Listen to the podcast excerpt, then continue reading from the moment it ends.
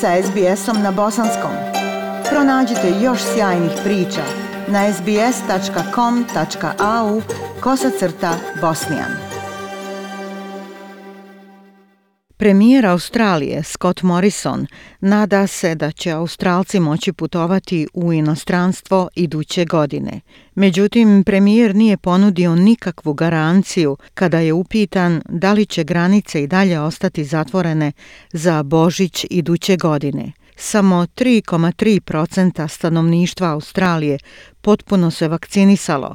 Za poređenje, 45% stanovništva Sjedinjenih američkih država već se vakcinisalo ili 47% u Velikoj Britaniji, dok je u Izraelu 57% stanovništva primilo obje doze vakcine. Premijer Scott Morrison je među tih 3,3% Australaca koji se potpuno vakcinisao i nedavno se vratio iz e, inostranstva i provodi svoju obaveznu karantinu u lođu u Kamberi. Sa izuzetkom Novog Zelanda i drugih potencijalnih putničkih balona sa još nekim zemljama, međunarodne granice Australije ostaju i dalje zatvorene i ne očekuje se da se otvore do sredine iduće godine. Međutim, u toku intervjua sa Benom Fordamom za radio 2GB, Scott Morrison je samo mogao izraziti nadu da granice neće biti zatvorene i duže. Is there also a chance that we won't be able to fly by next Christmas 2022? Oh, that's that's too far away. To, I mean, I would certainly hope so, Ben, in 2022. I'd certainly hope so. And Na I would pitanje hope novinara Bena Fordama postoji li šansa da nećemo moći putovati ni za Božić 2022. godine, premijer je odgovorio. O, pa to je predaleko. Mislim, zaista se nadam, Ben, u 2022. sigurno bih se nadao da ćemo moći čim prije budemo sigurni ono što ćemo mi posmatrati i na osnovu iskustva koje sam stekao dok sam bio tamo u Velikoj Britaniji. Mislim da je to zemlja u kojoj je 76 procenata stanovništva vakcinisano. Oni su imali oko 8000 slučajeva dnevno sa povećanom hospitalizacijom dok sam tamo boravio zbog nove varijante virusa. Dnevni broj slučajeva zaraze u Britaniji nedavno je iznosio između 8 i 9 hiljada, a to je broj na 47 procenata potpuno vakcinisanih ljudi. U Sjedinjenim državama 45% stanovništva je vakcinisano, a neki od njih su spremni da lete za Evropu na ljetni odmor. Australija je daleko iza mnogih razvijenih zemalja, a prošlosedmična promjena u smjernicama oko vakcina može djelovati kao kočnica u i onako sporoj imunizaciji stanovništva. Sada se vakcina Pfizer preporučuje ljudima ispod 60 godina, ali nema je dovoljno u Australiji da podmiri sve trenutne potrebe, a to je nešto što su savezne države i teritorije naglašavale već mjesecima.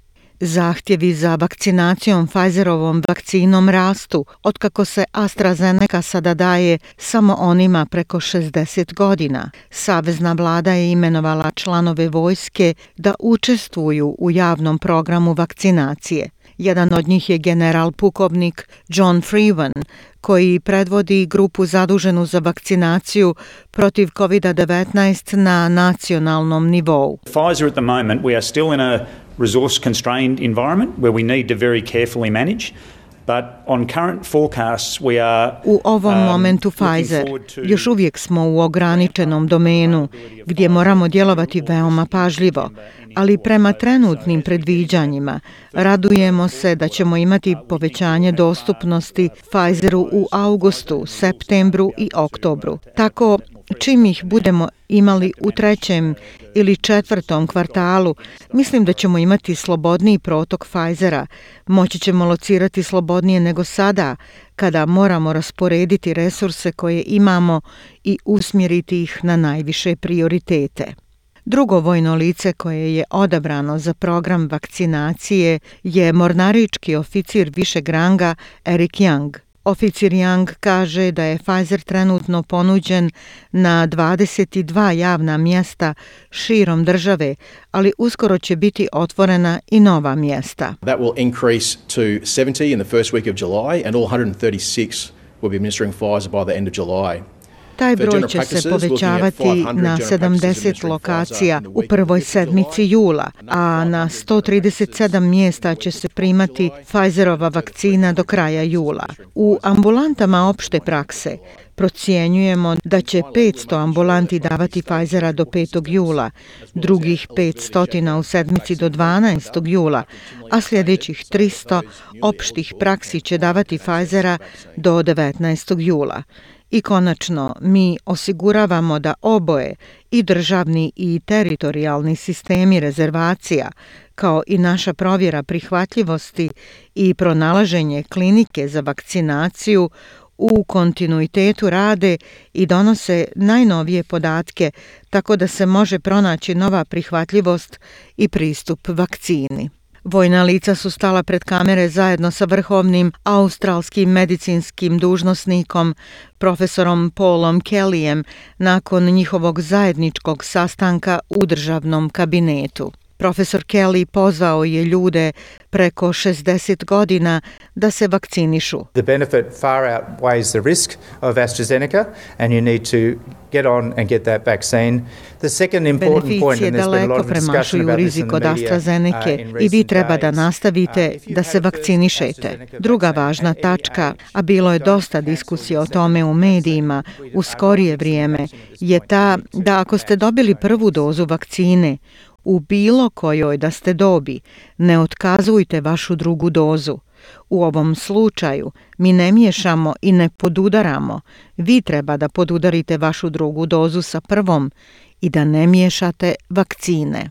Dok je Australija rangirana veoma nisko po ritmu programa vakcinacije, ministar zdravstva Greg Hunt iskoristio je question time da bi istakao brojke za koje kaže da ih većina Australaca pozdravlja. 2 million lives lost to COVID this year. There have been no Australians who have caught COVID in this country Ove godine zbog covid je izgubljeno 2 miliona života. Među njima nije bilo Australaca koji su se zarazili covidom u ovoj zemlji i koji su umrli od covida ove godine.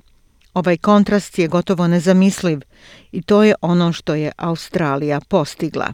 Klaster virusa COVID-19 u Sidneju porastao je na 50 slučajeva, javljaju se nove infekcije na lokalnom nivou. Sve su to kontakti već poznatih slučajeva.